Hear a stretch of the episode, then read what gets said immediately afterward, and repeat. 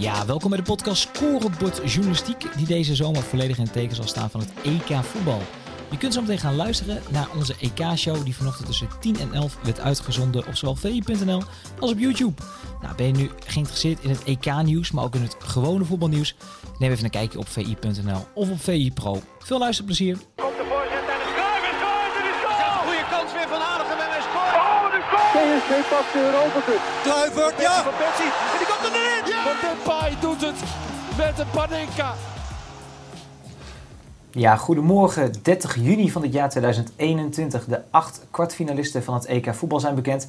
En wij, wij mogen op zoek naar een nieuwe bondscoach. Daar gaan we het uitgebreid over hebben aan deze tafel. Misschien wel de jongste voetbaltafel van Nederland. Tegenover mij zit hij, de man net oud genoeg om auto te mogen rijden, maar wel hoofdredacteur van Voetbal International, Pieter Zwart. En naast hem de hoofdtrainer van Fortuna Sittard en nog steeds de jongste trainer van de Eredivisie, Jos Ulte. Nou, om het uh, groepje jongeren maar even uh, compleet te maken. Lentin Godijk, de jonge god van onze redactie van het binnenlandse en buitenlandse nieuws. Maar laten we meteen maar even beginnen met uh, ja, Frank de Boer, die gisteren zijn ontslag heeft ingediend bij de KNVB. Dus we schakelen even met onze oranje watcher Simon Zwartkruis. Kijk, daar is Simon. Simon, goedemorgen. Goedemorgen. Ja, je verwacht dat er iets gebeurt in Zeist, maar het ging allemaal wel wat sneller dan verwacht misschien. Want ik dacht dat de evaluatie pas op donderdag gepland stond. Ja, klopt. Maar uh, ja, onder de druk uh, van uh, de publieke opinie en van, van de media hebben ze besloten om, om dat naar voren te halen. Zodat het maar duidelijk zou zijn. En ja, de, de, de, kortere bedenktijd die Frank de Boer had genomen, die heeft hem toen besluiten om, om zelf op te stappen. En als het niet was gebeurd, dan, dan had de KVB dat voor hem besloten. Omdat er een, een clausule in zijn contract bleek te staan dat hij de kwartfinale minimaal moest halen op het EK. daar zat één ontsnappingsclausule in. Als die uit een, uitschakeling, sorry. Als dat gepaard was gegaan met meeslepend voetbal. Denk aan de groepsfase van het EK in 2008 onder Marco van Basten. En een onverdiende uitschakeling in de achtste finale. Nou ja, dan had het eventueel nog verder gekund met elkaar. Nou ja, daar was natuurlijk geen sprake van. Dat benadrukte Nico-Jan Hoogma ook de directeur topvoetbal van, uh, van de KNVB, dat ze ook zij over het spel niet uh, tevreden waren. dus dan was het een optelsom geworden en dan had de KNVB de knoop doorgehakt. Maar de boer was ervoor. Ja, maar die, die clausule van het bereiken van de kwartfinale, die, die, was niet algemeen bekend. Want wij waren ook enigszins verrast, toch? Ja, klopt. de, de boer had het voor het toernooi over, de, sorry, over de halve finale. Dat dat een prestatie van formaat zou zijn als ze dat zouden halen. En ja, de, toen ze nou eenmaal die groep, uh, die groep gewonnen hadden, toen hoorde je zowel hem als spelers ook wel over, het, uh, ja, over een nog groter einddoel spreken. Hè, dat ze daar dan toch waren om het toernooi te winnen. Maar ja, dat is natuurlijk allemaal uh, zeer utopisch gebleken. Maar dat dat erin stond inderdaad, dat hebben ze allemaal voor zichzelf gehouden. Ja, dat klopt. Ja, het gaat heel veel over de opvolging, gaan wij het uiteraard ook over hebben. Maar heel even de carrière van Frank de Boer, Simon. Die heeft wel aardige tikjes gehad. Dit is er weer een. zien we die ooit nog terug op het veld? Ja, poeh, dat, is, dat moet de toekomst uitwijzen. Maar dit is inderdaad natuurlijk uh, na zijn drie ontslagen in het buitenland een, een nieuwe domper voor hem. Hij, uh, als hij verder wil als trainer, dan zal hij zich er denk ik mee moeten verzoenen dat de eerstvolgende club, die, die, als die voor hem langskomt, dat dat niet van het niveau Inter of, of Ajax is, waar hij, waar hij eerder werkzaam is geweest. Of het Nederlands elftal, dan zal hij, toch, zal hij toch een stap terug moeten doen eerst. Ja, en de, de boer gaat dan weg. Hoe zit dat voor de rest van de staf? Nou, dat is wel interessant, omdat uh, de KVB heeft aangegeven dat ze de hele staf ook uh, tegen het licht uh, gaan, gaan houden. Vorig jaar was dat, was dat heel anders. Toen is de Spelersraad van het Nederlands Elftal betrokken bij de opvolging van Ronald Koeman. En het kernpunt wat zij toen naar voren hebben gebracht, en met name Virtue van Dijk, de aanvoerder, is dat ze verder wilden op de lijn zoals die door Koeman was ingezet. En dat was inclusief de staf. Dus Frank de Boer had ook weinig te willen op dat vlak, of niets te willen eigenlijk. Hij moest het doen met de mensen die er op dat moment zaten ja, dat, dat zal nu anders uh, zijn, omdat ze, uh, ja, omdat ze echt uh, over een brede linie gaan kijken. en dat, dat maakt het nog moeilijker dan het al is om op deze korte termijn een bondscoach aan te stellen. willen ze dus ook nog eens een keer de ideale staf daaromheen gaan, gaan zoeken. En dat allemaal voor 1 september voor Noorwegen en Nederland. Ja, want dat is het gek. Het EK is net afgelopen, maar er komt een WK-kwalificatie aan met heel veel wedstrijden nog dit najaar. Ja, gaat dit lukken in die, in die korte tijd die we hebben, Simon? Ja, dat zal, dat zal wel moeten. Uh, ze kunnen moeilijk uh, uh, Maarten Stekelenburg voor de, voor de groep gaan zetten. Dus nee, dat, dat, dat gaat lukken. Het is alleen, kijk, de KNVB zit met hetzelfde dilemma als, als een jaar geleden. En dat is de tijdsdruk. toen waren er ook weinig geschikte kandidaten voorradig. Toen is Frank Rijkaard gebeld. Ja, dat kun je doen en dat is leuk om te zeggen dat je hem hebt gebeld. Maar die, heeft al, die zegt al jaren dat zijn, voetbal, zijn carrière als voetbalcoach erop zit. En Peter Bos is gebeld, die op dat moment vast lag bij, bij Leverkusen. En toen kwamen ze uit bij, bij Frank de Boer ja, als je nu het lijstje van beschikbare coaches bekijkt, dat is weer, uh, weer niet heel lang. In het buitenland zijn er wel een paar, maar in Nederland niet zo heel veel. Ja, laten we het lijstje bijpakken. Je hebt gisteren een mooi verhaal geschreven op VI Pro. Ga dat vooral even lezen. Jij komt met een eerste lijst, maar die lijst is, is oneindig lang natuurlijk. Eh, van Gaal, Leu, Martinez, Cocu, Conte, Van Bronckhorst, Sanach, Ragnik zie ik ertussen staan.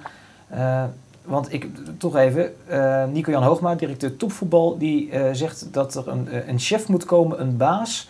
En de autoriteiten uitschrijven voor Koeman iemand met een bepaalde aura. kun jij dat duiden? Wat, wat zoeken we dan? We zoeken eigenlijk een type Ronald Koeman. Uh, ja, dat is precies wat het, uh, wat het is. Het, ze blijven maar terugverwijzen naar die periode. op zich begrijpelijk, want dat is de tijd geweest waarin het Nederlands elftal weer tot leven is gewekt. En ja, door het, ook door het Nederlandse volk weer in de arm is, is gesloten. Um, en voetbal inhoudelijk is er daarentegen heel weinig over, over gezegd gisteren. En dat lijkt me toch ook wel even een puntje van, van aandacht. Het ging vooral inderdaad over de karakterologische eigenschappen van, van de nieuwe coach. En ja, dat moet iemand zijn die boven de groep staat, die gezag uitstraalt waar de spelers tegen opkijken en, en eh, respect voor hebben. Uh, ja, en, en dat er aantrekkelijke voetbal gespeeld moet worden, dat, dat moest je een beetje tussen de regels door eruit halen. Maar dat lijkt me toch ook een, een vereiste. Maar dat is dan toch vrij pijnlijk. Dan komen we toch een beetje terug waar dit EK ook deels fout gegaan is. We staan toch voor bepaald voetbal met Nederland. Dat, dat zou dan nu toch ook eigenlijk als eerste naar buiten moeten komen. We willen dat type voetbal, willen aanvallen, dominant voetbal spelen. We willen de mensen vermaken. Waarom wordt daar de nadruk niet op gelegd dan? Ja, dan moet je aan Nico-Jan Hoogma vragen. Dat, eh, dat weet ik niet. Maar het, uh, hij, hij, hij eh, benadrukte vooral dat ene aspect inderdaad. Een, een chef, een, een, baas met een bepaald aura. Nou, dat lijkt me een, niet helemaal compleet profiel, maar goed. Jij, jij, geeft het net, net zelf al aan, Stef. Dat, dat, dat voetbalgedeelte, daar moet natuurlijk ook heel goed naar gekeken worden. Ja, als we op zoek zijn naar een type Ronald Koeman, heeft het dan zin om Ronald Koeman te bellen? Nee, nee, die heeft zijn contract verbroken omdat hij uh, eindelijk naar zijn droomclub uh, kon. Is daar met, uh, na, heel veel commotie, is, is, is, hij daar in het zadel gebleven. Is bezig met, met zijn nieuwe ploeg voor het volgende seizoen. Dus ja, dan krijg je hetzelfde verhaal als met Rijkaard vorig jaar. Je, je kunt hem bellen en dat is leuk om dat aan de buitenwereld te communiceren dan. Maar dat, dat lijkt me niet. Ja, het speculeren gaat door. Dit wordt natuurlijk het spelletje van de complete Nederlandse bevolking de komende weken misschien wel. Uh, tegenover mij zit Pieter Zwart. Die riep op de redactie eigenlijk meteen één naam. Louis van Gaal. Je hebt veel met Louis gewerkt. Louis is met pensioen. Al gaat hij volgens mij nog uh, één keer op de bank zitten bij Telstar. Is, is Louis een optie? Moet hij gebeld worden? Of zeg jij van, dat is klaar? Nee, ik, ben het met Pieter eens. dat is nog steeds de, de beste trainer van Nederland. Vorig, vorig, jaar was de kans groter dat hij het zou hebben gedaan. Toen hebben ze hem niet benaderd, maar hij is zelf al wel uh, behoorlijk vooruitlopend op de zaak is hij al wel met wat mensen gaan praten. Mocht hij gebeld gaan worden, wie die dan in zijn staf zou willen hebben. Nou, dat geeft aan dat hij er voor, in ieder geval voor open stond. Dat, maar dat was een, ja, een termijn van een, van een project van de kortere termijn. Nu hebben we het over een langer, langer project van anderhalf jaar, waarbij ook nog de kwalificatie natuurlijk bewerkstelligd moet worden. Maar dat neemt volgens mij niet weg dat je, dat je het gewoon moet proberen. Het is geen originele keus, maar wel, wel de beste keus. Als je kijkt ook naar de beschikbare trainers. En dan kun je na het WK kun je kijken wat voor de langere termijn wenselijk is. Dan kom je wat bij mij betreft uit bij mensen als, als Erik ten Hag en, en Peter Bos.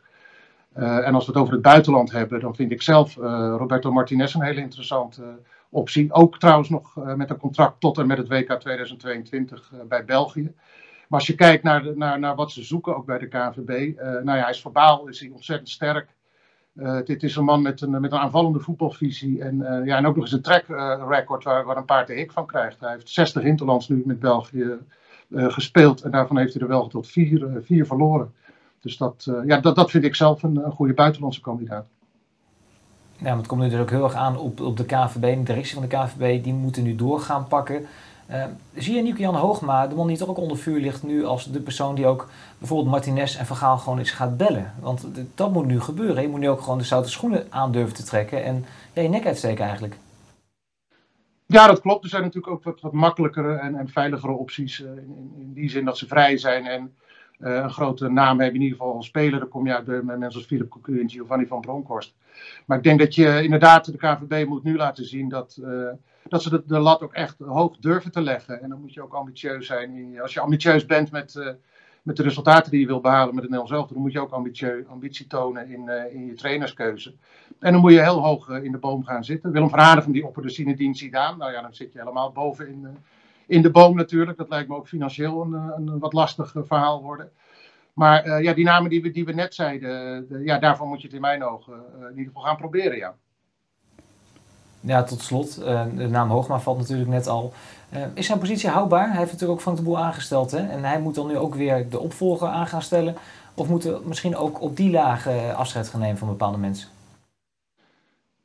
Nou ja, als je dat nu zou doen, dan, uh, dan ga, je nog, ga je nog meer tijd verliezen. Hè? Dan moet je ook nog op zoek naar een directeur topvoetbal. En die moet dan de nieuwe bondscoach gaan aanstellen. En dat allemaal voor die 1 september. dus dat zal niet gebeuren. Maar hij, moet, hij kan zich natuurlijk geen, geen volgende uitgeleider veroorloven. Hij moet nu onder een hoge tijdsdruk terwijl 17, eh, 17, miljoen mensen smachtend over zijn schouder meekijken. moet hij tot de juiste beslissing komen. En als dat niet lukt, dan, ja, dan komt ook zijn positie in gevaar. Dat is duidelijk. Ja, we gaan de, we gaan de pool vast invullen. Simon, wie noteer jij 1 september op de bank bij Nederland elftal? Wat zeg je? We gaan de pool hier vast een beetje invullen. Wie noteer jij 1 september op de bank bij Nederland elftal? Welke naam mag ik noteren? Louis Vergaal. Louis Vergaal, oké. Dankjewel. Als, uh, als dat goed vindt, hè, die speelt hier ook nog een rol in. Vanzelfsprekend, vanzelfsprekend. Nou, we gaan hem meenemen. Ik ga het even aan de mannen aan tafel uh, vragen. Dankjewel, Simon. Ja, ik had graag een uh, leuke introductie willen doen, Jos, met uh, hoe is met Fortuna Sittard en hoe gaat het? Maar ja, dat is de, de waan van de dag. toch meteen goedemorgen trouwens. Goedemorgen. Wie zou jouw ideale opvolger van Frank de Boer zijn? Ja, zoals Simon zegt, voor mij is de beste trainer van Nederland nu Louis van Gaal. En los van of hij wil, zou je als land denk ik altijd moeten gaan voor de beste trainer die je kan krijgen. dus voor mij is Van Gaal de ideale optie.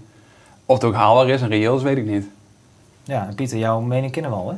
Ja, je hebt het net, uh, net geïntroduceerd. Nou, eigenlijk om de argumenten die uh, ook aangeeft. Ja, je, je kunt in Nederland gaan kijken. Nou ja, de, realiteit is ook, want nu wordt er veel gezegd natuurlijk... het zou zwaktebod zijn als we geen Nederlandse trainer hebben. Alleen ik denk, ja, je moet je ogen niet sluiten voor de realiteit... dat we gewoon heel weinig echt goede Nederlandse trainers hebben. Dat is ook de reden dat ze niet in het buitenland nu uh, aan de bak komen, de meeste. Dus die pool is vrij klein. En in die vrij kleine pool van beschikbare Nederlandse trainers... Ja, is Louis van Gaal de enige waarvan je echt het predicaat kan geven... dat is de toptrainer die zich ook bij internationale topclubs bewezen heeft als een toptrainer. Dus ja, in principe moet je wensenlijst voor de nieuwe bondscoach zijn. 1 Louis Vergaal, 2, 3, 4, 5, allemaal Louis Vergaal. En alles in het werk stellen om hem ervan te overtuigen van... ja, wij willen jou hebben, omdat wij ervan overtuigd zijn... dat jij meer uit deze spelersgroep uh, kan halen.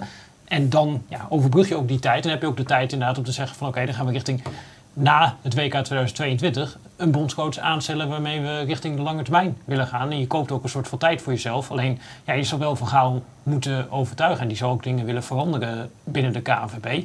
Dus ja, daar moet je dan ook in mee gaan. En je moet denk ik vooral, kijk bij verhaal is denk ik het allerbelangrijkste, dat jij een goed inhoudelijk verhaal hebt over waarom jij denkt dat Louis Vergaal de beste keuze is. En als je dat hebt, dan is hij misschien uh, getriggerd en gevleid en zou hij misschien bereid zijn om het te doen. Maar daar begint het denk ik wel mee, dat jij een voetbal inhoudelijk idee hebt over waarom wil ik Louis Vergaal als bondscoach hebben. Denk je niet gewoon als je Louis Vergaal gewoon zes keer zegt van dat Louis Vergaal de enige optie is, de, de, de man die ons land moet redden, dat hem dat genoeg vlijt om hem binnen te halen? Nou ja, dat, dat helpt uh, waarschijnlijk uh, al mee. Maar goed, ja, wat uh, George ook aangeeft, ja, de vraag is hoe realistisch het is. Nou, wat Simon zegt klopt ook. Hij heeft de vorige keer, toen hij nou, in beeld was eventueel als mogelijke bondscoach, is hij, zoals Louis van Gaal is, al wel natuurlijk begonnen met voorbereiden, nadenken over nou, hoe zou ik spelen met het team, maar ook hoe zou mijn staf eruit zien. Gewoon ja, op een professionele manier daarnaar gaan kijken en die opties onderzoeken. En, dat laat wel zien dat er ergens in zijn hoofd een luikje zit van misschien is het een optie. Alleen hij weet natuurlijk ook dat het afbreukrisico heel erg groot is. En dat er bepaalde media zijn die niet kunnen wachten totdat Louis van Gaal faalt uh, als bondscoach. Ja, dus dat, dat kan natuurlijk voor hem een argument zijn om te zeggen van nou, uh, laat me zitten, ik zit fijn hier in Portugal. Nou, ik kan me voorstellen dat het niet heel realistisch is. Ik, ik hoor net Simon ook beginnen over Nederlandse en buitenlandse trainers. Uh, George, zijn er goede Nederlandse trainers op dit moment die die functie kunnen bekleden? Of zitten wij inderdaad gewoon wat dun in de internationale toptrainers? Nou, er zijn zeker goede kandidaten. Ik denk dat als je over Bos praat en het Nederlandse voetbal, uh, dominant aanvallend, dat hij ook een hele goede kandidaat is. Uh, dat Erik, uh, in de top in het buitenland niet bewezen heeft, maar in Nederland laten zien heeft dat hij echt een hele goede, ten sorry, ja, een hele goede trainer is. Dat is natuurlijk het moeilijke van eh, opeens een bondscoach moeten aanstellen. Ja, de keuze is beperkt. Als je een hele goede trainer bent, is de kans groot dat je een club hebt. Precies. Want ja, als je een goede trainer bent, willen meer clubs je hebben. Dus dat zou nog misschien idealen zijn Ja. met het aanstellen van Van Gaal. Als jij bij wijze van spreken eigenlijk een dag later de trainer voor na het WK kunnen aanstellen. En of het dan Ten Hag of Bos of een andere trainer is. Maar dat geeft je wel ruimte om al vooruit te denken. En niet weer beperkt te worden tot de arbeidsmarkt. Want inderdaad, salaris van een bondscoach is al lager. Ja. Maar het afkopen van een trainer er ook nog eens bij doen. Ja, dat is zo lastig denk ik voor de KNVB. Dus dat maakt je pool kleiner, terwijl er echt wel een aantal trainers zijn. Eh nou, Koeman is al een paar keer voorbij gekomen. Dan heb je al een derde naam die geschikt is, maar niet beschikbaar is. Nu heb jij samengewerkt met Erik ten Hag, goed samengewerkt met Erik ten Hag. Toch even, zou hij daarvoor openstaan? Of denk je, die zit zo mooi in zijn carrière terug op bij Ajax, misschien een keer naar buitenland? Of als de KNVB hem belt, zou die dan toch ook wel geprikkeld zijn? Ja, lastig. Ik denk dat de eer van bondscoach natuurlijk geweldig groot is. Eh, tegelijk, zoals ik Erik heb leren kennen bij Utrecht, is een trainer die vooral heel sterk is in het dag in dag uit met een groep werken. Eh, vaak zie je trainers pas later in hun carrière de behoefte hebben om wat meer afstand te nemen en dan tien dagen te mogen werken met je groep. Dus ja, ik kan me voorstellen dat hij eerst nog zich bewijzen in het buitenland. Eh, wil spelen om hoofdprijzen voor die stap komt. Maar tegelijk, ja, de, de kick, de uitdaging van de trainer van jouw land zijn, is ook heel groot. Maar goed, als hij echt veel vertrouwen heeft, gelooft hij ook zelf wel dat die kans nog gaat komen over 10 jaar, over 15 jaar. Dus ja, lastig. Ehm, dan is dat Koeman of misschien Bos, reële. Nog eerder net, ja, Bos natuurlijk net begonnen. Ja. Eh, we hebben Lentin achter de desk staan en eh, de mensen chatten lekker mee. We hebben superchats, begrijp ik, Lentin. Zeker, er komen eh, een aantal vragen binnen. Eh, Reza die vraagt zich af, Henk de Jong, zou dat met zijn aanvallende visie voor de Nederlandse elftal geen goede optie zijn? Eh, dat is misschien niet helemaal realistisch, maar ook eh, Henk ten Katen wordt naar voren geschoven in de chat door de WV9. En die vraagt zich wel een beetje af, de naam van ten Katen wordt veel genoemd eh, de afgelopen dagen, maar ehm, ja, op basis waarvan? Want wat heeft hij de afgelopen jaren eigenlijk gepresteerd? Vraagt hij zich af. Ja, heeft in de Emiraten met name gewerkt. Heeft daar op een gegeven moment nog wel bij een club echt goed gepresteerd. Volgens mij een keer een eh, Champions League finale gehaald eh, in Azië. Nou, daar krijg je natuurlijk in Nederland weinig van mee. Maar daar heeft hij het op zich niet slecht eh, gedaan. Maar het is ook niet zo inderdaad dat Henk ten Katen in de afgelopen 15 jaar bij de Europese topclubs de deur plat heeft gelopen. Dus ja, als je het hebt zeg maar, over de namen waar we net over hebben en welke categorie eh, dat zit, die echt in de internationale topcompetities hebben gewerkt in de afgelopen 10 jaar, ja, dat geldt niet voor eh, Henk Katen. Dat was bij hem langer terug dat hij assistent was bij Chelsea en bij eh, Barcelona. Daarmee natuurlijk ook tot Champions League finales gekomen. Dus het is niet zo ja, dat hij niets kan. Maar hij heeft inderdaad niet in de afgelopen 10, 15 jaar dat track record wat die andere namen waar we net over hadden hebben. Maar we zijn er toch ook een beetje, eh, we zitten in een soort van lobby-circuit, heb ik wel de indruk. Hè? Want eh, iedereen komt met naampjes. Je merkt dat bepaalde media met bepaalde naampjes komen. Dat wordt ook bij trainersvak? Ja. ja, tegelijk zou het ook kunnen omdraaien. Mij schreef Michiel de Hoog dat gisteren op zijn Twitter. Hij zou ook inderdaad meerdere kandidaten kunnen spreken en kunnen vragen naar hun verhaal. Bijvoorbeeld ten, ten Kate, nou, geweldig clubs gewerkt. Eh, ik denk ook zeker een, iemand die het gevoel bij spelers kan opwekken. Ja, wat is er mis mee om als KNVB met zijn man in gesprek te gaan en te vragen naar zijn plan, naar zijn ideeën. En dat met vier, vijf trainers te doen. En de beste kandidaten kiezen, dat klinkt eigenlijk heel logisch, denk ik. Dus Zoals misschien is dat wel de bij beste oplossing. bedrijf waarschijnlijk ook zo zou gaan. Ja, ja, of je moet een nummer 1 hebben die zo ver boven alles staat. Nou, denk ik Louis van Gaal. Waar je al je pijlen op kan richten. Maar zodra er geen top-top kandidaat is, is het denk ik heel logisch om mensen te gaan aanspreken die in de buurt komen van wat jij wil. Ja. En te gaan vragen naar een plan, naar hun ideeën. Om eh, ja, niet alles door te gaan nemen wat kan gebeuren, want dat is oneindig. Maar je kan natuurlijk genoeg scenario's gaan bespreken. In speelwijze, in werkwijze, in staf. Eh, hoe wil je dingen voor elkaar krijgen? Hoe kijk je terug op het afgelopen EK? En misschien komt daar dan wel een hele goede kandidaat uit. Ja, want dat, dat is natuurlijk wel, jij hebt bij meerdere clubs inmiddels gewerkt. Ehm, ik weet bij een club als Heracles moet je mee oppassen als Nico-Jan Hoogma eh, directeur topvoetbal is. Ik weet dat toen Frank Wormoed aangesteld werd, toen hebben ze gewoon drie of vier trainers uitgenodigd. En die mochten een presentatie geven aan de directie, aan de RVC. En hij kwam daar met de meest fantastische PowerPoint-presentatie aan. En die had zes stappen verder gedacht dan andere Nederlandse trainers. Zei ze, wij gaan voor die Wormoed. Is dat, is dat steeds meer gebruikelijk in de voetballerij dat jij weet? Ik ken dit verhaal wel. Tegelijk is de kanttekening, je wil niet degene hebben met de beste PowerPoint. Nee, Is Want ook ja, dat, is niet, dat is niet je beste trainer. Dus ja, het gaat ook heel erg om de mensen die dat gesprek gaan voeren. Kunnen die doorvragen, kunnen die eh, op inhoud zitten. Eh, ik heb eigenlijk bij nooit een PowerPoint ergens gemaakt. Want ik geloof veel meer in het praten, in, het, in, in uitleggen wat je wil. In plaats van dat je een hele mooie PowerPoint met bullets hebt en, en, en animaties en dat soort dingen. Ehm, maar ik, ja, ik hoor het weinig, dat de clubs inderdaad meerdere kandidaten hebben. Misschien ook wel omdat ze dan bang zijn dat mensen af gaan haken. Ja. Dat als een trainer hoort dat hij een van de drie of vier zit, nou, als ik een van de drie of vier ben, voel ik geen vertrouwen, dan ben ik weg. Ja. En Ik dat is denken wel- aan het verhaal dat ik laatst hoorde bij eh, het Red Bull consortium. Daar zat natuurlijk eh Ralf Ranjik als de grote chef. eh, en Jesse Mars was daar op een gegeven moment in beeld om bij hun Amerikaanse tak eventueel een van de trainers te kunnen worden bij dat eh, eh, New York Red Bulls. En die, ik heb die Jesse Mars over gehoord in de podcast. En die vertelde inderdaad, van, ja, hij kwam daar op een sollicitatiegesprek. en toen moest hij inderdaad zijn visie presenteren. Dus hij ging zijn visie uitleggen. En op een gegeven moment ging Ralf Ranjik op een heel erg ja, detailniveau over tactiek. Ging hij hem doorzagen over, ja, maar jij zegt dat je het op deze manier zou oplossen. Waarom zou je niet op die manier oplossen? En hij zei, ja, nou, we hebben daar een uur over gediscussieerd. Toen begon het, want de hield zich eerst afzijdig. En toen op een gegeven moment nam hij het hele gesprek over. We hebben daar een uur over gediscussieerd. Hij zegt, ja, ik reed in de auto naar huis. Ik heb mijn vrouw gebeld. Ik zeg, nou, dit gaat hem niet worden dat ik hier de baan krijg. en toen uiteindelijk werd hij opgebeld van, nou, dat, dat is zich goed wat Kralen had kunnen verweren daar. Alleen dan moet je wel inderdaad de mensen daar aan tafel hebben die Dan op dat niveau... directie, je RVC, die moeten ook een bepaald denkniveau hebben om dat aan te kunnen eigenlijk. Ja, precies. Die op dat niveau met de trainer kunnen praten. Zodat je inderdaad echt op detailniveau naar boven krijgt van...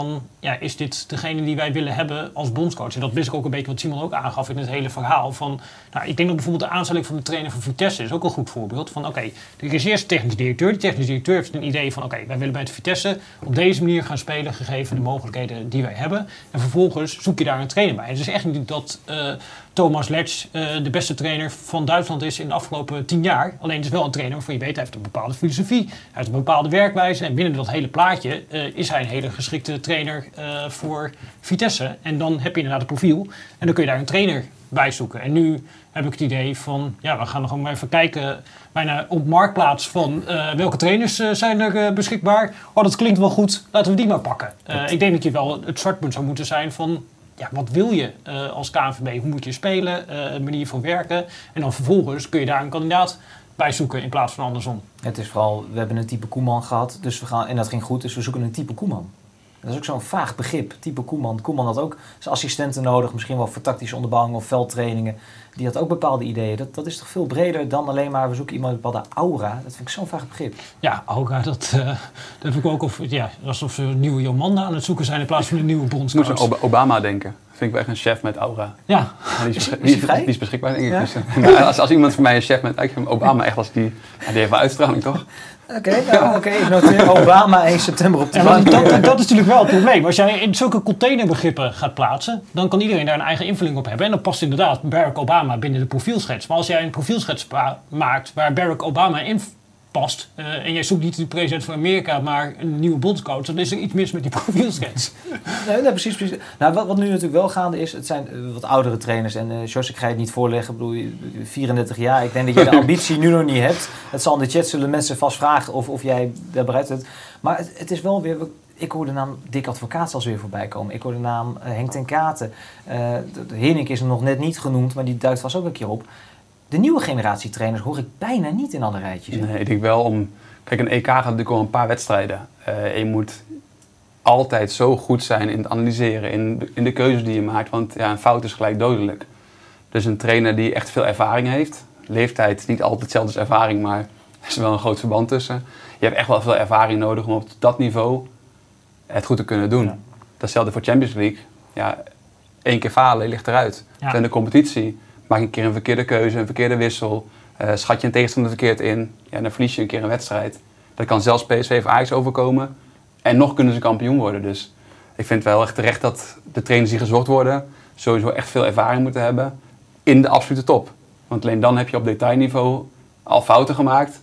Ja, die je dan niet meer gaat maken als het goed is op een EK of WK. Dus ja, ik vind het heel logisch dat de trainer nu minimaal 40 moet zijn. En mis- misschien wel boven de 50 om eh, eh, in aanmerking te komen. Geldt ook niet per se voor de rest van de staf. in de combinatie kan je natuurlijk wel ve- veel verschillen Ja. zoeken. Wat misschien ook wel weer handig is om aan de sluiting te vinden bij de jonge spelers en bij Ja. hun denken en leefwereld. Bijvoorbeeld. En tegelijk kan je ook weer zeggen dat een jonge trainer soms helemaal niet kan aanzetten bij jonge spelers. En sommige oudere trainers heel goed klikken met jonge spelers. Maar daarom is het ook interessant om aan een trainer te vragen, hoe zie jij je staf? Neem je tien vrienden mee? Of heb je echt een idee hoe jij je staf gaat inrichten? Welke taken zie je voor je staf? Wil je mensen van buitenaf erbij hebben? Ehm, wil je andere functies in je staf die er nu niet zijn? Waar denk je dan aan? Nou, we zijn met Fortuna nu in dat proces en daarom denk ik daar vooral aan. Fortuna is een club die heel snel groeit. eh, van een hele beperkte staf naar nu steeds meer mensen. We gaan nu met linietrainers werken. Ja, zo ben je aan het uitbreiden als staf bij Fortuna. Nou, ook bij Oranje kan je natuurlijk steeds verder denken in details, in linietrainers, misschien wel positietrainers. Kijk, als een Van Nistelrooy aan de slag kan met een spits, zal het heel veel waarde hebben. En dat kan natuurlijk op meer plekken. Maar misschien dat de bondscoach zegt, daar geloof ik niet in. Dat ik wil juist meer op fysiek, of ik wil meer op, nou, enzovoorts. Ja, En dat, dat verhaal lijkt mij gewoon interessant. Dat de KNVB eh, niet bij Randstad belt voor, we hebben hier een eh, compleet profiel. Is niet erg, maar ze moeten zelf wel een profiel hebben. En of ze het hebben, weet ik niet, maar dat is wel het startpunt. En dan is een van de dingen blijkbaar dominant voetbal kunnen spelen, Nederlands voetbal. En ook gelijk denk ik de vraag, moet hij Nederlands zijn, de trainer? Niet per se Nederlands, maar zijn speelstijl, zijn visie, ja, die moet denk ik vooral Nederlands zijn. Wij vinden het wel prettig als hij eh, vroeger wat beelden van Cruijff heeft gezien. Als hij de Hollandse school een beetje kent. Als hij een beetje open staat voor het voetbal. Ik krijg trouwens door dat Lentin alweer een superchat heeft. Is druk vandaag, Lentin. Er wordt veel meegepraat, zeker. Eh, want Ugureu die stelt voor eh, Bert van Marwijk. En dan misschien met ehm Jonk of Giovanni van Bronckhorst als assistent. Om een beetje ook een jonge, jonge man ernaast te hebben. Zou dat een optie zijn, Pieter? Nou ja, hij is net weer begonnen bij eh, de Verenigde Arabische Emiraten natuurlijk, Bert van Marwijk. Dus ja, ook daarvoor geldt, nou die zal een afkoopsom hebben als je die wil weghalen daar eh, uit de Emiraten. Dat hij waarschijnlijk inderdaad niet beschikbaar is direct eh, op de korte termijn. Ja, wat het meteen lastiger maakt om hem binnen te halen. En ik denk zelfs voor iemand als Jonk, die dan ook inderdaad dan genoemd wordt. Ja, die zit natuurlijk ook in het project bij FC Volendam. En dat ga je misschien ook niet inruilen om even assistent bondscoach te worden bij het andere Oranje. Het andere oranje, mooi. Ik denk hij gaat hem maken. Hij maakt ook Ja. mannen als Cocu en Van Bronckhorst. Die worden nu wel heel erg eh, ja, in één lijn gezet met Frank de Boer. Maar is dat ook niet wat te makkelijk? Want het zijn toch andere trainers. Het waren andere voetballers, andere trainers. Maar nu is het dezelfde generatie, een beetje dezelfde types. Ja. Dus geen opties. Of, of- Nou ja, dat zijn natuurlijk al verschillende type trainers. Eh, als je bijvoorbeeld Van Bronckhorst kijkt, eh dat was natuurlijk eigenlijk ook meer bijna richting Frank Rijkaard-achtig type, denk ik, eh, als trainer. Die Jean-Paul van Gastel als zijn eh veldtrainer heel veel de ruimte eh, ook gaf. Dus ja, dat is in die zin denk ik ook een ander eh, type trainer waar je dan... Je zou natuurlijk van Bronckhorst heel goed naar kunnen kijken van... oké, er is misschien een bepaald eh, type veldtrainer, eh bij wijze van spreken Alfred Schreuder, die wil je binnenhalen vanuit Barcelona voor zover het mogelijk zou zijn. Omdat je denkt, hé, hey, dat is een type veldtrainer wat we nodig hebben bij Oranje. En je zet er iemand als Van Bronckhorst na. Dat, dat zou een koppeltje zijn waarin je kan denken. Of inderdaad met Fred weet ik veel wat voor koppeltjes je daarmee zou kunnen maken. Dus ik denk dat dat heel logisch kan met Van Bronckhorst, waar Cocu... Die heeft natuurlijk ook meer zelf ook op het veld staan, eh, zijn eigen visie. Eh, en als je ziet hoe die bij PSV kampioen eh, is geworden, met name ook in zijn laatste seizoen, ja, dat was dan ook weer wat meer omschakelvoetbal wat hij daar eh, gespeeld heeft. Nou, dat is ook weer de vraag inderdaad. Eh, is dat waar we naar op zoek zijn bij eh hun Nederlands elftal? Een coach die op die manier speelt? Dat zijn allemaal vragen die je zou moeten stellen voordat je hem uiteindelijk die job geeft. Nou, dat speculeren gaat de komende dagen, weken nog wel verder. En ik vrees dat wij hier aan tafel ook niet onderuit komen. Zometeen gaan we even de, de tactiek in. Wat ging er nou wel goed en niet goed bij Nederland zelf? Want ik heb hier twee mannen die ervan genieten om naar beelden te kijken. Dus gaan we doen. Maar we gaan eerst even naar Lentin voor het eh, buitenlandse mediaoverzicht. Ja, daar genieten jullie ook wel van, toch? Zeker. Kijk, gelukkig maar. Ik ga er 's morgens altijd voor zitten, Ja, ja, ja, ja. We beginnen even met onze vrienden aan de andere kant van de Noordzee. Want eh, de Engelsen, ja, ze zullen waarschijnlijk nog niet kijken, want die hebben een lange avond eh, achter de rug. Ze hebben zich natuurlijk eh, ten koste van Duitsland geplaatst voor de kwartfinales. En dat, eh, ja, dat is ook in de kranten natuurlijk eh, te zien.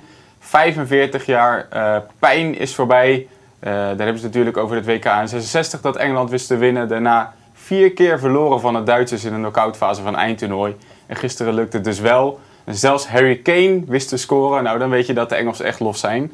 Eh, maar hij had natuurlijk nog geen enkele bal ingeschoten. En ehm, speelde bijna een beetje apathisch. Ik zat er nog mee eh, met Souli te appen gisteren. Die had ook zoiets van, ja, waar zit ik naar te kijken? Maar uiteindelijk kwam het toch los. En eh, zijn de Engelsen nu dus door. De stemming in Duitsland is ietsje minder goed. Dat hadden we misschien wel een klein beetje verwacht. Hè? En eh, ja, de pijlen worden eigenlijk vooral gericht op Joachim Leuf. Ehm, ja, dat fiasco in 2018 natuurlijk, waarin Duitsland werd uitgeschakeld in de groepsfase. Toen was er de slechte deelname aan de Nations League en nu gaat het ook fout op dit EK.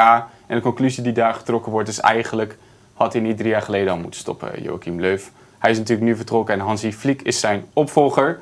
Ehm, in Oekraïne gaat het vooral over Oleksandr Zinchenko. De oud-PSV'er was natuurlijk de grote man gisteravond met een doelpunt en een assist en een vinger voor zijn mond voor de criticasters die in zijn ogen iets te veel kritiek hadden geuit op de Oekraïense ploeg.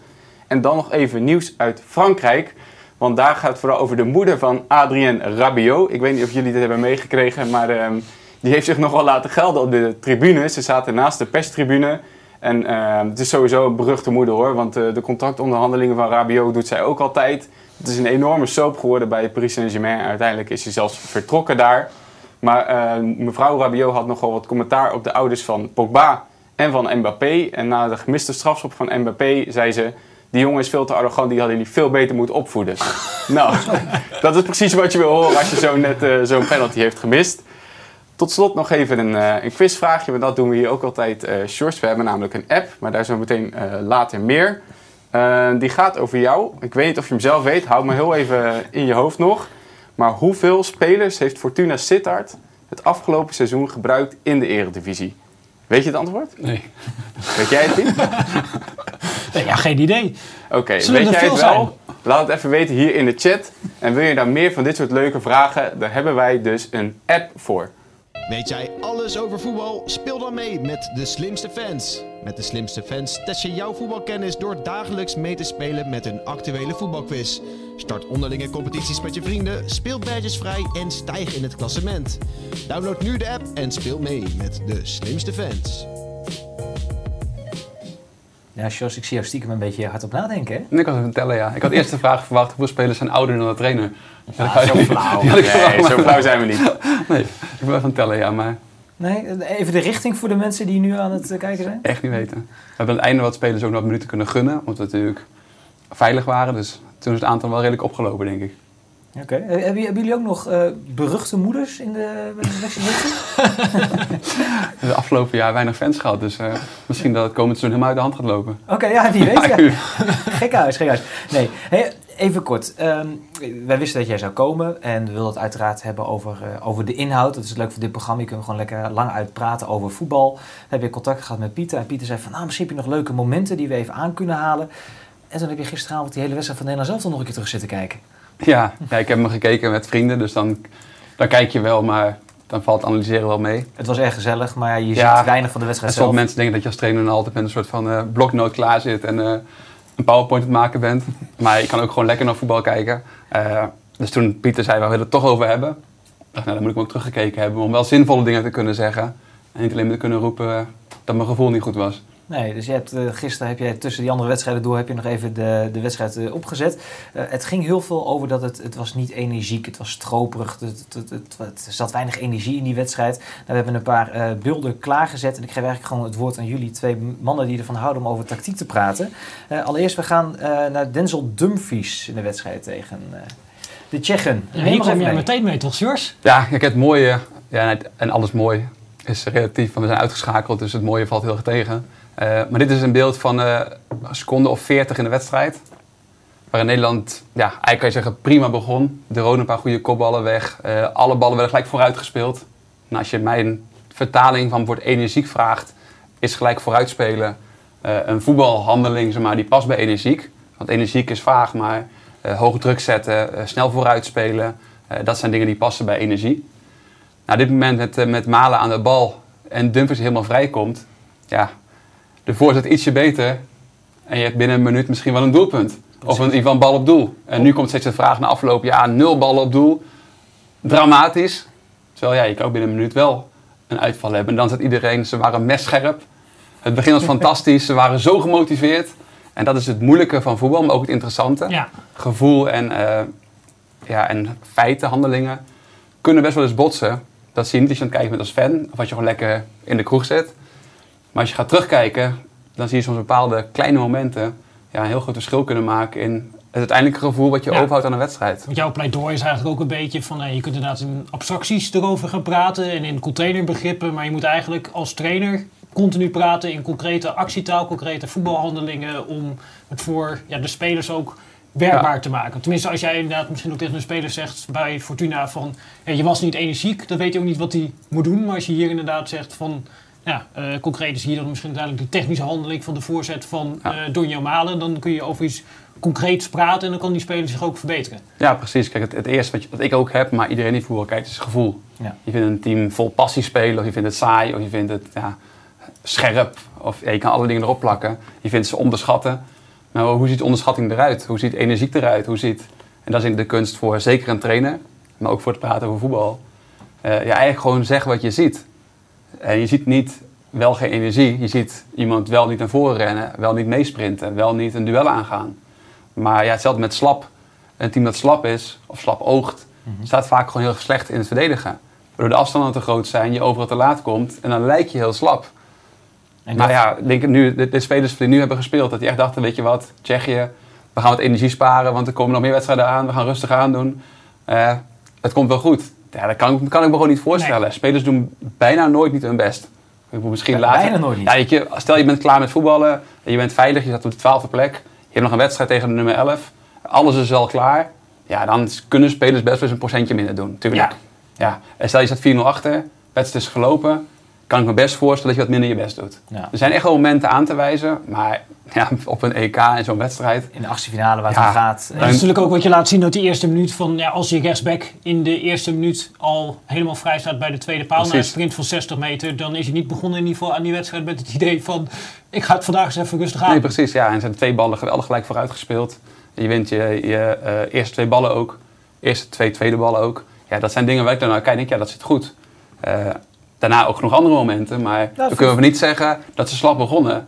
Terwijl, dat is heel simpel te zeggen, want ja, het gevoel was ja, slap. Het is anderhalf uur slap geweest. Ja. Terwijl ja, de eerste 40 seconden waren eigenlijk wel prima. Dat is ook een perceptie na zo'n wedstrijd. Zeker als Ja. we verloren hebben. Dan denken we, Nee, maar dat het- gevoel had het ik ook. niet Ik bedoel zoals niet dat ik dat nu al zat te kijken. Zo van, nou, ik zag gelijk al dit. Maar als je dan terugkijkt, ja, dan valt het gelijk op. Denk hey, eigenlijk gewoon een goed begin geweest. Ja, nou, we, we hebben ook een beeld van Marten de Roon klaarstaan. Benieuwd wat je daarvan eh, over wilde zeggen. Daar staat Marten de Roon eh, in de middencirkel. Ja, Dit is het fameuze moment, hè? de kans voor Donjo Malen. Ja, eh, Blind is aan de bal. Dan gaan we naar het volgende moment. Dan zie je eh de Roon gaat volgens mij. En neem ons eens mee. Ja, ja, eigenlijk dat is een mooi voorbeeld van hoe je naar spelers toe dus invulling kan geven aan begrippen als energiek. Kijk, als de Ronnie meesprint en los van, ik weet niet of het een overtreding was en wat hij voor had gedaan, maar als hij meesprint, sta je 2 tegen 1 met de keeper. Maar en dan gaat. geef je veel meer invulling aan spelers van ja, dit wil ik, wil ik van jou, dit verwacht ik van jou. Ja, maar misschien En- kunnen we nog een keer laten zien dat we even nog een keer dat je inderdaad goed kon zien van dat hij eerst meegaat. Ja, dus want hier hier- gaat hij diep. Dus eigenlijk zeg je ja, hij gaat diep, dus energie, Ja. afgevinkt. Hij wil naar voren toe, hij is scherp, hij heeft zin, hij heeft Terwijl dat niet de persoon is waarvan je dat in eerste instantie Nee. verwacht. Dus ja. Hij, is ook nog, heeft, hij heeft geen last van de temperatuur, want hij kan gewoon naar voren sprinten. Dus dan zeg je eigenlijk alles klopt. Maar om een bepaalde reden, terwijl als je Drone zou vragen, wil je graag scoren als het 0-0 staat tegen Tsjechië? In de achtste- Tuurlijk zegt hij ja. Maar er is blijkbaar een reden waarop hij hiernaar denkt, nou ik stop toch. En Want dat hier staat hij vrij inderdaad. En Ja. dan, Ja, nou, nou, Malen trekt hem hier door. En het laatste shot zie je dan goed dat de Roon gestopt is, want hij is ingehaald door degene met bal. Hij had ernaast kunnen staan. Nu. Je had ernaast kunnen staan. En kijk, dat zijn allemaal als dingen. Maar het, het, het leuke van het werk als trainer vind ik, en dat heb ik vooral ook geleerd van mijn jaar met, eh, met Erik ten Hag.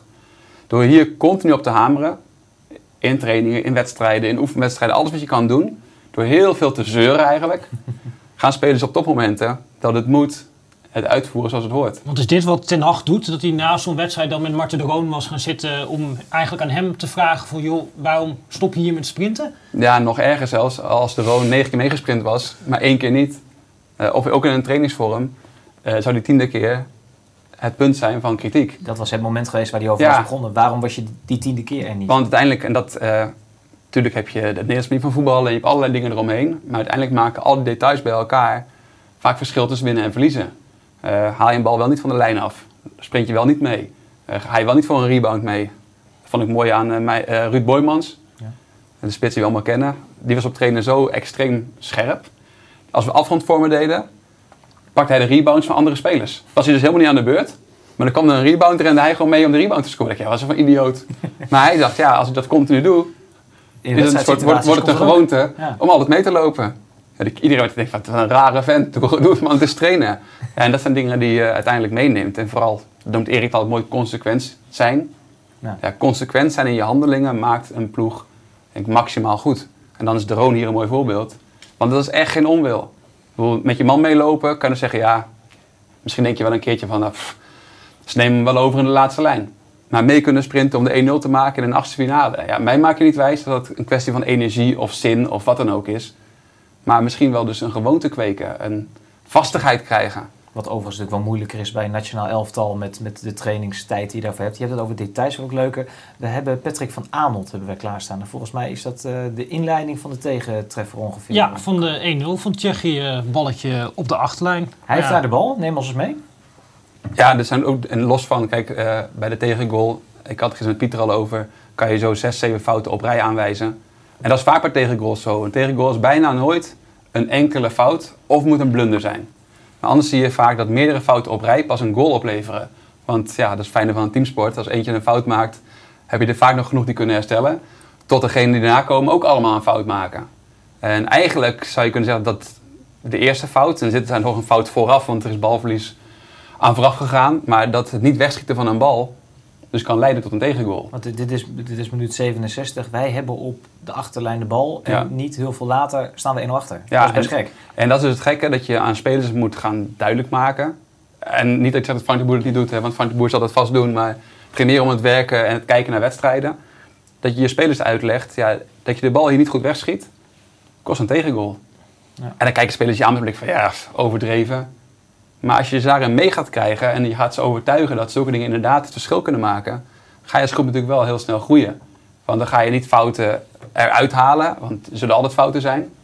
Maar je gaat wel die serie van fouten proberen te doorbreken. Ja. Dus één fout wel, maar fout twee niet. Of fout één niet eens, waardoor fout twee niet eens in beeld kan komen. En ik denk ook dat het voordeel is van die concrete voetbalhandelingen benoemen, dat die speler kan ook niet duiken, zeg maar. Patrick van Ja. Kan die, je, je kunt tegen hem zeggen van ja, je was niet energiek deze wedstrijd. Dan kan hij zeggen, ja, ik was wel energiek. En dan kom je in een ja, niet, eh, wel eens niet eens eh, discussie eh, terecht. Maar als je tegen hem zegt, hey, je hebt hier de bal op de achterlijn.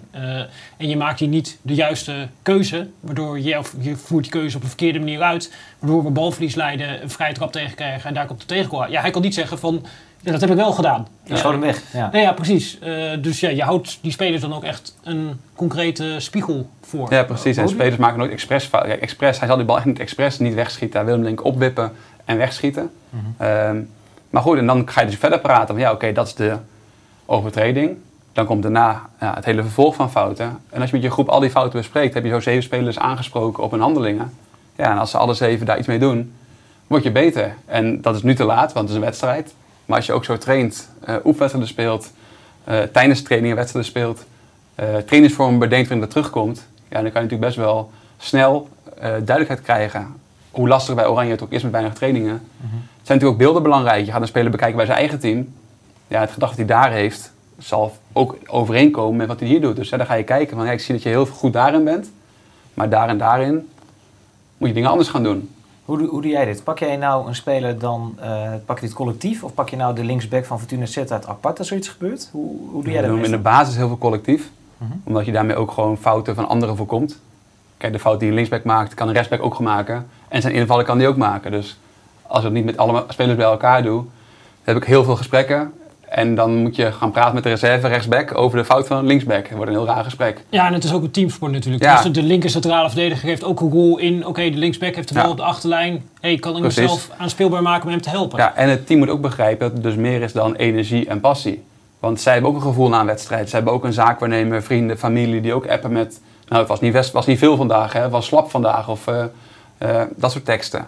En als een groep begrijpt om wedstrijden lopen zoals ze lopen, kunnen ze ook makkelijk wedstrijden gaan veranderen. Hoe komt het nou dat we bijvoorbeeld niet onder druk uitkomen? Heeft het te maken met een bal naar voren schieten, heeft het te maken met hoe we staan, heeft het te maken met nou, enzovoorts. En in een seizoen met 40 wedstrijden komen dingen echt wel vaker terug. En als je dan de tijd neemt om dingen te bespreken, voor mij zijn wat Seuntjes dat mooi een keer in een interview van ja, ik word helemaal gek van de besprekingen. Maar goed, ze werken wel. Ja, natuurlijk, vinden, ze vinden niet altijd leuk. Ze denken af en toe van trainen. pff. Maar dan denken ze, ja, maar ja, het klopt wel. En we winnen wedstrijden, dus dan, ja, dan, dan moet het maar. Uiteindelijk kan je wel nog met een speler individueel verder praten op ja, de details in de details. En dat vind ik ook mooi in het werken met ex-voetballers in je staf. Die ook dan zich heel goed kunnen verplaatsen in zo'n situatie. Die daar zelf gestaan hebben in topwedstrijden. Van wat kan je dan nog meer doen? Hoe kan je voor dat spits nog beter een bal afschermen? Moet je met links of rechts schieten? Moet je naar voren of moet je juist terugstappen? Moet je je vooractie wel of niet inzetten? Ja, dat zijn details van details. Maar de grote lijn kan je met je groep denk ik heel goed samen bespreken. Zodat je ook samen een idee krijgt van wat je wil en hoe je wil spelen. Precies, precies. Maar dat, eh, ik zie die jongens van Fortuna Sittard nu alweer zweten. Want morgen beginnen jullie weer. Dus dan, eh, dan komen al die beelden weer. En heeft, de trainer heeft nu ook beelden van het Nederlands om te Ja. laten zien. Dus dat wordt... eh, Want je haalde ook die opbouw aan natuurlijk. Dat was natuurlijk, eh, nou ja, Maarten Stekelenburg gelooft dat hij 40% of zo van zijn basis was eh, aangekomen in die wedstrijd. En ja, pas in de 82e minuut kwam zijn eerste lange bal aan. En daar heb je ook beelden van uitgezocht. Van wat gebeurde er eigenlijk in die opbouw? Ja, het is altijd lastig, hè, want als je niet weet wat een, wat een team van plan heeft, eh, ga je altijd een beetje gokken. Maar ik gok een beetje dat het plan niet was om heel veel lange ballen te spelen. Dan zou Weghorst denk ik een logische spits geweest zijn om dan lange ballen op hem te kunnen spelen. Nou, hier zie je mooi de 2 tegen 1 die wij hadden aan de zijkant. Je ziet ook, en dan moet je even blijven staan als het kan, dat eh, zij eigenlijk kozen Tsjechië voor een soort van, we gaan dan maar één op één. Ja. Ze gingen aan de zijkant met de back op de back. Voorin gingen ze ook allemaal met de buitenspelers naar binnen toe, waardoor het daar 3 tegen 3 werd. Onder drie centrale tegen hun drie spitsen. Je ziet het middenveld dus ook gekoppeld staan. Dus ga je gelijk lang spelen, ja, dan kan een tegenstander vanuit 1 op 1 toch nog redelijk dicht bij elkaar zitten. Als een lange bal zie je aankomen, je stapt terug en Ja. je wint hem. Dit is een mooi voorbeeld voor hoe de opbouw wel kon. Want hier zie je dat je even lokt, je begint je opbouw te spelen. Dan trek je die back eruit. En dat zie je mooi met de rode lijn tussen de back van Tsjechië en onze back. Ja, wat zie je dan? Dat zie je niet. Maar wat weet je dan? Dan is er voorin extreem veel ruimte. Voor En- Donjo Malen, die tegen een rechte centrale speelt die niet heel erg wendbaar is. Precies, dus eigenlijk is dit een ideaal moment. eh, wat je ook in de rust kunt laten zien aan je spelers. Van jongens, dit is het moment dat we willen. Dit is wat we zoeken. Want met onze spitsen ja, en Deli Blind aan de bal. Ja. Ja, kan je hiermee ze zoveel pijn doen. En staan we continu in 2 tegen 2, 1 tegen 1, 3 tegen 3 voorin. Dus twee passes geven, lokken, lange bal spelen. Ja, dat is denk ik een heel mooi voorbeeld van hoe Nederland het in dit moment heel goed deed. Maar aan andere momenten, je zegt het al, wel vaak gelijk lang speelde. Ja, want je hebt denk ik, kunnen we dat eerste moment nog een keer terugpakken? Daar kun je het waarschijnlijk goed zien van wat ook de beginorganisatie van Tsjechië was. Ja, kijk, hier staan ze natuurlijk nog niet helemaal al echt één tegen één. In principe, op het moment dat jij hier met bijvoorbeeld je twee centrale verdedigers, dat die net nog wat verder uitzakken, dan moeten die buitenspelers zich echt committeren. En dan komt in eerste instantie ook je back vrij. En dan is die afstand, dat zie je hier ook, tussen die rechtsback van Tsjechië en de linksback van Oranje is nog ontzettend groot. Eh, en stels, ja, je zou natuurlijk ook nog, eh, je kunt het natuurlijk op allerlei manieren oplossen. Ik zag Tsjechië het een, da- een dag eerder oplossen door op een gegeven moment één van de centrale verdedigers door te schuiven naar het middenveld. Waardoor zij op een andere manier druk moesten gaan zetten. Wil ziet een beetje op dezelfde manier deden. Maar je kunt ook nog zeggen, oké, je ziet dat eigenlijk in de opbouw dat vaak de linksback in eerste instantie de vrije man zou kunnen worden. Ja, daar kun je er zelfs nog voor kiezen om te zeggen van oké, dat moet je dan in plaats van Van Arnold misschien Daily Blind hebben. Omdat je weet, die heeft vanuit daar een paas en dat je iemand anders links centraal zet. Nou, je kunt allerlei opties eh, daarin schetsen. En ja, wat denk ik het opmerkelijk aan deze wedstrijd is, is dat ja, dit, dit gebeurde eigenlijk eh, continu. Dus het was echt ja, een patroon, niet één incident of één moment. Gebeurde ja, 90 minuten lang zette Tsjechië op deze manier druk. Nederland koos iedere keer voor de lange bal. Iedere keer komt die lange bal niet aan. En ja, er veranderde eigenlijk niks in. En dat, dat is dan ja, eh, heel opmerkelijk om er naar te kijken. Dat, dat is het pijnlijke dat er eigenlijk niet ingegrepen wordt. Dus je ziet dat het niet werkt. Je schreef er ook over op VI Pro. En dat dat, dat eigenlijk tot aan minuut eh 93, 94, 95 zo bleef. Ja, Dat daar niet eh, op geanticipeerd werd. Ja, moet ik wel zeggen, dat niet om het nu per se op te nemen voor de, voor de bondscoach, maar dat vanaf de bank is het wel heel veel lastiger dingen te zien. Heb je over werkwijze, wat ga je voor doen eh, met mensen van bovenaf? Je hebt Wat ga je mensen met, en maar dat is dus de vraag van, als je een nieuwe bondscoach zoekt, Nee, maar hoe, hoe, doe jij je wedstrijden? Ja, maar niet alle coaches staan er open voor. Sommigen Nee, denken, nou, ik zie het allemaal wel. Sorry, maar elke trainer heeft tegenwoordig toch een assistent boven in de nok van het stadion zitten met overzicht, met een oortje in. Dat is toch... Ja, dat, ja, ik, ik denk dat hij er vast zit, maar dan is ook de vraag, eh, dat hij en de bondscoach, hebben die dezelfde visie, zien die dezelfde dingen? Ik heb wel een trainer meegemaakt, die eh, was lang, lang geleden. Die ging gewoon zijn oortje uh, radiocommentaar soort van geven. Ja, weer balverlies. Ja, ja, slechte bal. Ja, daar heb je ook niks aan. Dus je wil gewoon ik zelf ook. je wil tactische oplossing hebben. En dat is natuurlijk een van de interessante dingen in werken met, een, met je hele staf. Hoe zorg je voor zulke dingen? Want ja, ik heb nu heel leuk kunnen uitleggen wat ik gezien heb. Maar dat is wel rustig met pauze, play, even terugspoelen, nog een keer kijken. Ja, dan is het ook heel veel lekkerder analyseren. Terwijl met de druk die je hebt in een wedstrijd als bondscoach, terwijl je staat op, op oogniveau, niet met een camera lekker van bovenaf. Dus daarin is het niet alleen de bondscoach degene die dit moet doen, maar je hele staf moet het samen doen. Om samen voor de rust te kunnen zeggen, hey, die aanval in minuut 13, dat is de ideale aanval, die laten we zien in de rust. Want nu weten de spelers gelijk, oké, we gaan proberen te lokken en dan gaan we daar terechtkomen. Hier liggen de mogelijkheden. Maar Precies, dan, moet je dat, dan moet je dat ja, complementaire staf. Maar ik noteer bij deze gewoon uh, assistenten, in ieder geval T en Pieter Zwart 1 september op de bank. Bij deze. Um, wij gaan heel even schakelen naar iets anders. Uh, gisteren op uh, VI Pro, ja, die, het ontploft een beetje bij ons. Want we hadden een artikel, Ivan van Duren, Freek Jansen en Marco Timmer over ja, een bom bij de KVB. Want Ivan van Duren, het was nog niet onrustig genoeg in Zeist? Ja, het was, uh, het, was niet, het was al lang onrustig in Zeist. En uh, ja, in de schaduw van Oranje is daar een koep gepleegd door de club, zeg maar. En daar lette eigenlijk niemand op, want iedereen was natuurlijk Oranje aan het kijken. Neem ons even mee, een koep gepleegd. Voor de mensen die dit gemist hebben, wat is er precies gebeurd? Uh, heel kort hebben eigenlijk de clubs zijn allemaal samen gaan zitten met z'n allen. En op de dag dat de nieuwe directeur van de KVB werd geïnstalleerd, of directrice, directeur betaald voetbal, hebben zij gezegd, betaald voetbal is van ons. We gaan zelf de competities regelen, we gaan het zelf allemaal doen. Uh, was al deels zo. En um, ja, bijvoorbeeld het competitieprogramma, de commerciële uitbaten, alles gaan ze zelf doen. En de, en de KVB mag eigenlijk nog de tucht, uh, de tucht doen en de scheidsrechters opleiden. Dus ze nemen eigenlijk de competitie en hun eigen bedrijfstak in eigen hand. Ja, dit, dit, kennen we in de buitenlandse competities al een beetje. Er is er wat langer over ja. uh, gespeculeerd. Uh, hoe gaat dat er concreet uitzien? Uh, zijn alle clubs aan boord bijvoorbeeld? Hmm. Nou, heel concreet ziet er zo uit dat er een persbericht, een ronkend persbericht uitging van we gaan dit doen. En uh, binnen de kortste keer bleek eigenlijk dat Ajax op de laatste vergadering, hè, waar het allemaal werd besloten in Utrecht, zeg maar, in de Galgenwaard, van de Sar Spreektijd had gevraagd. Die zei van ja, ik vind het geweldige plannen. Iedereen gaat erop vooruit. Alleen het geld wordt allemaal, uh, het geld van Ajax, het Europees voetbal, wordt gebruikt, zeg maar, om dit op te tuigen. En daar gaan wij niet aan meedoen. Wij zijn niet Sinterklaas. En toen werd eigenlijk Ajax gesteld, allemaal heel leuk en aardig, maar dit is democratie. Wij zijn allemaal voor, op Feyenoord na. Dus het gaat door. Dus democratisch gezien uh, is het rond. Maar ja, zonder Ajax en Feyenoord, de grootste partijen in Nederland, uh, kun je nog wel even doorgaan met formeren natuurlijk. Nou ja, formeren zijn we nou, niet zo goed in in Nederland, dus dat, uh, dat kan nog wel even duren dan misschien. Uh, maar even concreet, hè? de clubs komen eigenlijk samen in een soort NL-league terecht. Uh, dat geldt niet alleen voor de eredivisie, maar ook voor de eerste divisie. Uh, en daarbij moet bijvoorbeeld commercieel meer mogelijk zijn, hè? Ja, duidelijk. En in, in 2025 moet het allemaal helemaal rond zijn. Ehm, maar eerste divisie interessant, geen degradatie meer. Um, ook interessant, jong teams uit het buitenland erbij eventueel. Uh, wat we ook zagen is andere uitzend... Uh, ze willen de buitenlandse uh, gebieden willen ze meer Nederlands voetbal gaan geven. Dus nog meer wedstrijden uitgestrekt, zeg maar, over het hele weekend.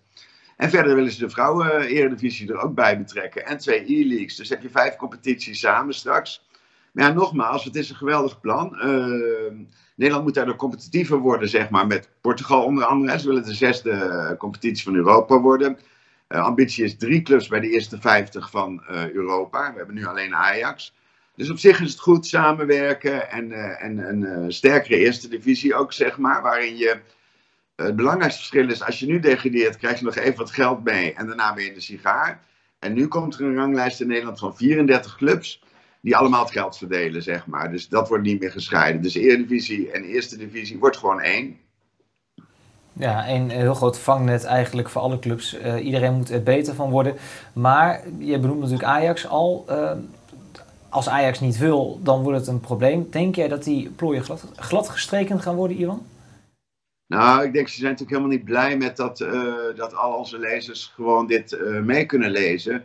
Want wat we ook hebben beschreven in dit hele plan, uh, AZ en uh, PSV hebben een grote rol hierin gespeeld, ook in de voorbereidingen, zeg maar. En bij Ajax is nu het beeld van, ja, maar jullie zijn niet bezig met ons allemaal te versterken. Wat jullie doen is Ajax willen jullie verzwakken.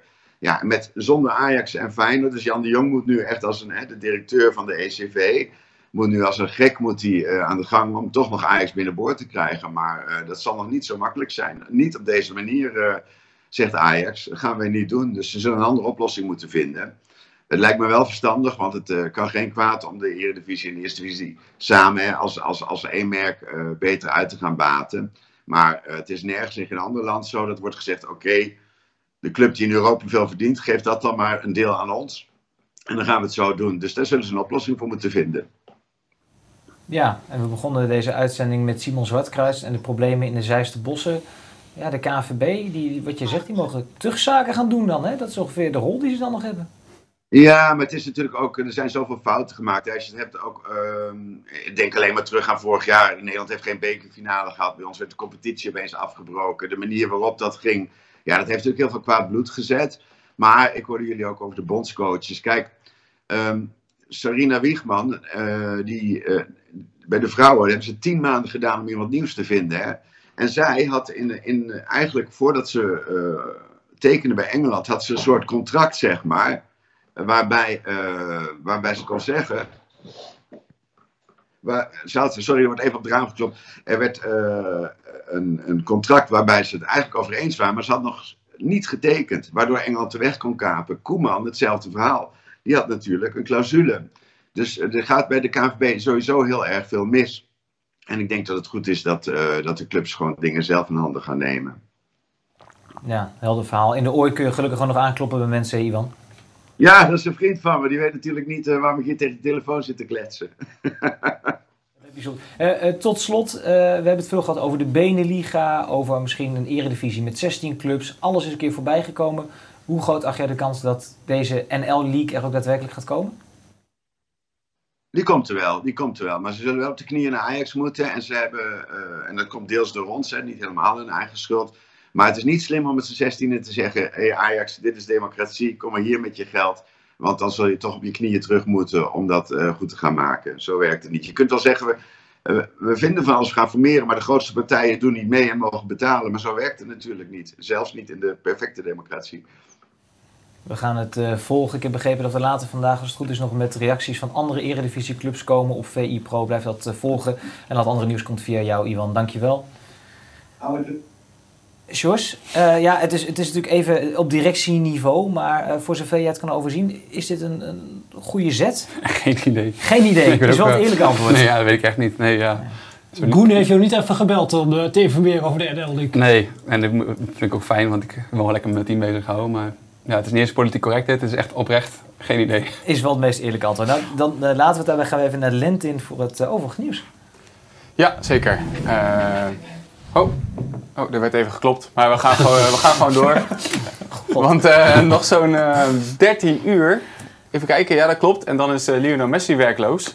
Die gaat de WW in. Zijn contract bij Barcelona is nog altijd niet verlengd namelijk. En het loopt tot 30 juni, tot vandaag. Dat domineert ook de Spaanse media, de voorpagina's vandaag. Maar goed, we gaan er eigenlijk allemaal wel vanuit dat hij gewoon gaat bijtekenen. En ze gaan de laatste kleine details. Hij is natuurlijk nu bezig met de Copa America. En mocht het nou niet zover komen, heeft hij een klein buffertje. Hij verdient volgens mij 70 miljoen euro uh, per jaar. Dus daar kan hij vast wel even mee vooruit.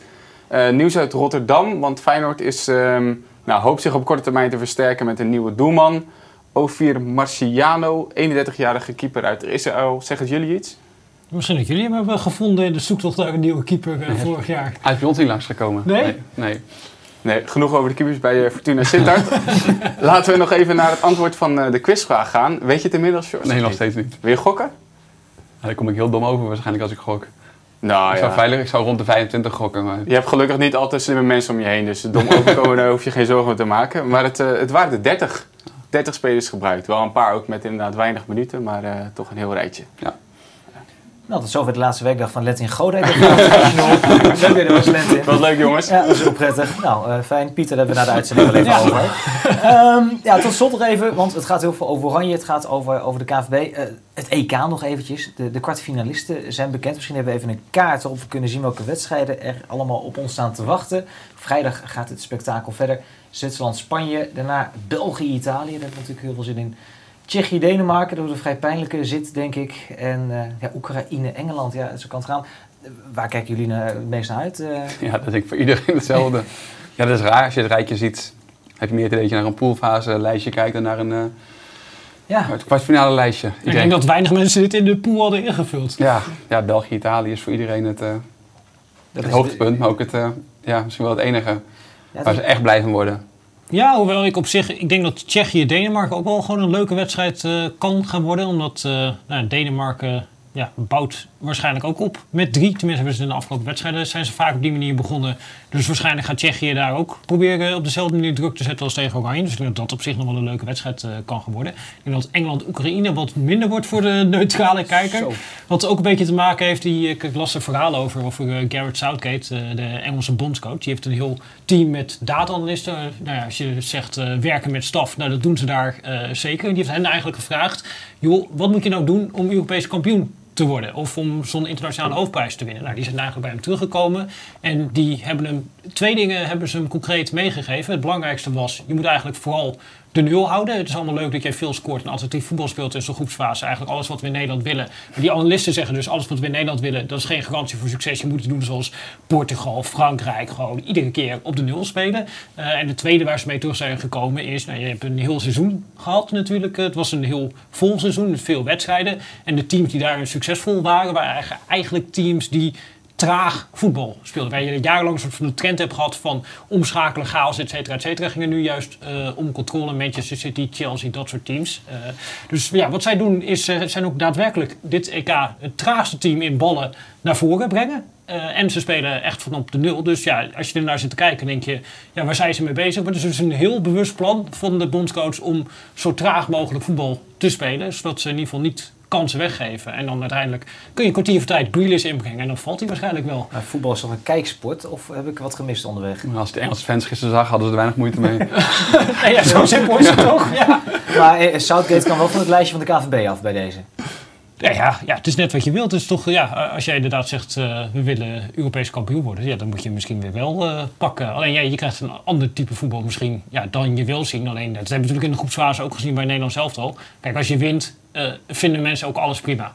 Dus pas als je verliest, dan komt de kritiek. En als hij verliest, zal er ook de kritiek los, losbarsten op Garrett Southgate. Maar ja, hij probeert de mogelijkheden maximaal te benutten om te winnen. Ook al ja, vind je dat dan als argeloze toeschouwer denk je, hoe kun je het in vredesnaam in je hoofd halen om Grealish op de bank te zetten en Saka op zijn plek te zetten? Ja, nou, ik moet zeggen, je verheug je op zo'n wedstrijd, maar het viel mee tegen. En dan hebben we niet over die tweede wedstrijd. Want ik begrijp dat sommige collega's uh, hebben gesmeekt, Lentin Godijk, dat er geen penalty-serie meer kwam gisteravond, omdat hij naar bed wilde. Maar um, die wedstrijd, die laatste wedstrijd, was gisteren helemaal niet om aan te gluren, wat mij betreft. Um, komt de winnaar van dit EK uit de wedstrijd België-Italië? Als Engeland blijft volhouden wat ze doen dan, en de theorie klopt, zou Engeland het kunnen zijn. Ja, qua beste teams, uh, ik denk dat daar de twee beste teams spelen. Maar wat is dan beste? Dat is ook wel moeilijk. Ja, ja, ik ben ook wel erg gecharmeerd van Spanje eigenlijk, uh, dit ja, toernooi. Eens, ja. Je, hebt, je bent dat hele toernooi al een klein beetje aan het oppoken. In het begin kreeg je heel veel kritiek en inmiddels heb je steeds meer medestanders, hè? Nou, dat, dat is langzaam uh, aan het uh, verschuiven. Nee, is, ze wonnen die eerste twee wedstrijden natuurlijk niet. En dan, dat is denk ik ook het verschil tussen resultaat en proces. Als je naar resultaat gaat kijken, waren twee dramatische wedstrijden. Dan zeg je, ja, het is te traag, et cetera, et cetera. Nou, dan komen alle, hè, geen energie, komen alle containerbegrippen erbij. Maar als je feitelijk gaat kijken naar wat er gebeurde in die wedstrijden, zijn ze heel goed in staat geweest om kwalitatief grote kansen te creëren. Want natuurlijk een voorwaarde is om succes te boeken. En ze gaven relatief weinig weg. Nou, enige mankement wat je zou kunnen noemen is dat als ze kansen weggeven, dat het vaak grote kansen zijn. Dus nou, dat is nog een kritiekpuntje wat je kan hebben op Spanje. Maar op zich, het ziet er goed uit. En ze hebben op een gegeven moment wat meer buitenspelers ingebracht. Uh, met name met Pablo Sarabia, die ook diepgang hebben zonder bal. Uh, en ik denk dat dat ook een beetje ontbrak in die eerste twee groepswedstrijden. Nou, dat, dat is nog op een gegeven moment uh, ook nog ondervangen. En ik denk dat dat best wel een ja, heel goed team is, die heel goed voetbal spelen. En die nog een beetje onderschat worden, eigenlijk omdat die eerste wedstrijden niet het resultaat hadden wat eigenlijk verdiend was op basis uh, van het spel. En ik denk dat dat wel echt nou ja, voor hen een voordeel kan zijn. Want als ze nu Zwitserland uh, verslaan, wat je nu nog niet zomaar gedaan hebt, maar in principe ik denk dat zij in staat zijn om onder die druk van de Zwitsers uit te spelen, zoals Italië dat ook gedaan heeft. En dan liggen de ruimtes, heb je bij Italië tegen Zwitserland ook gezien. Ja, dan sta je ook al in de halve finale. We gaan het zien. Uh, vrijdag gaan wij verder. Uh, Sjors, tot slot, uh, morgen weer het veld op? Ja, nou, de spelers komen morgen weer. Er wordt vooral heel veel uh, testen, meten, piepjes testen, dat soort dingen. Het is niet de leukste dagen voor de spelers, maar hebben we in ieder geval alle informatie die we nodig hebben om ook goed de eerste week in te kunnen gaan. Maar we gaan weer beginnen morgen. Zeker zin in. Heel veel zin, ja. Nou, zeker. Dankjewel voor je komst, Pieter. Bedankt. We gaan eh, alle analyses gaan we volgen. Ja, en wat betreft, we krijgen wat rustdagen. En eh, nou, Kees Jansma is op leeftijd, dus we hebben besloten om de rustdagen ook even geen live-uitzendingen te doen. Wij zijn er komende zaterdagochtend weer. Dan is Ruben Schaken hier te gast. Ik zou zeggen, geniet van je rustdagen en eh, veel plezier vast vrijdagavond.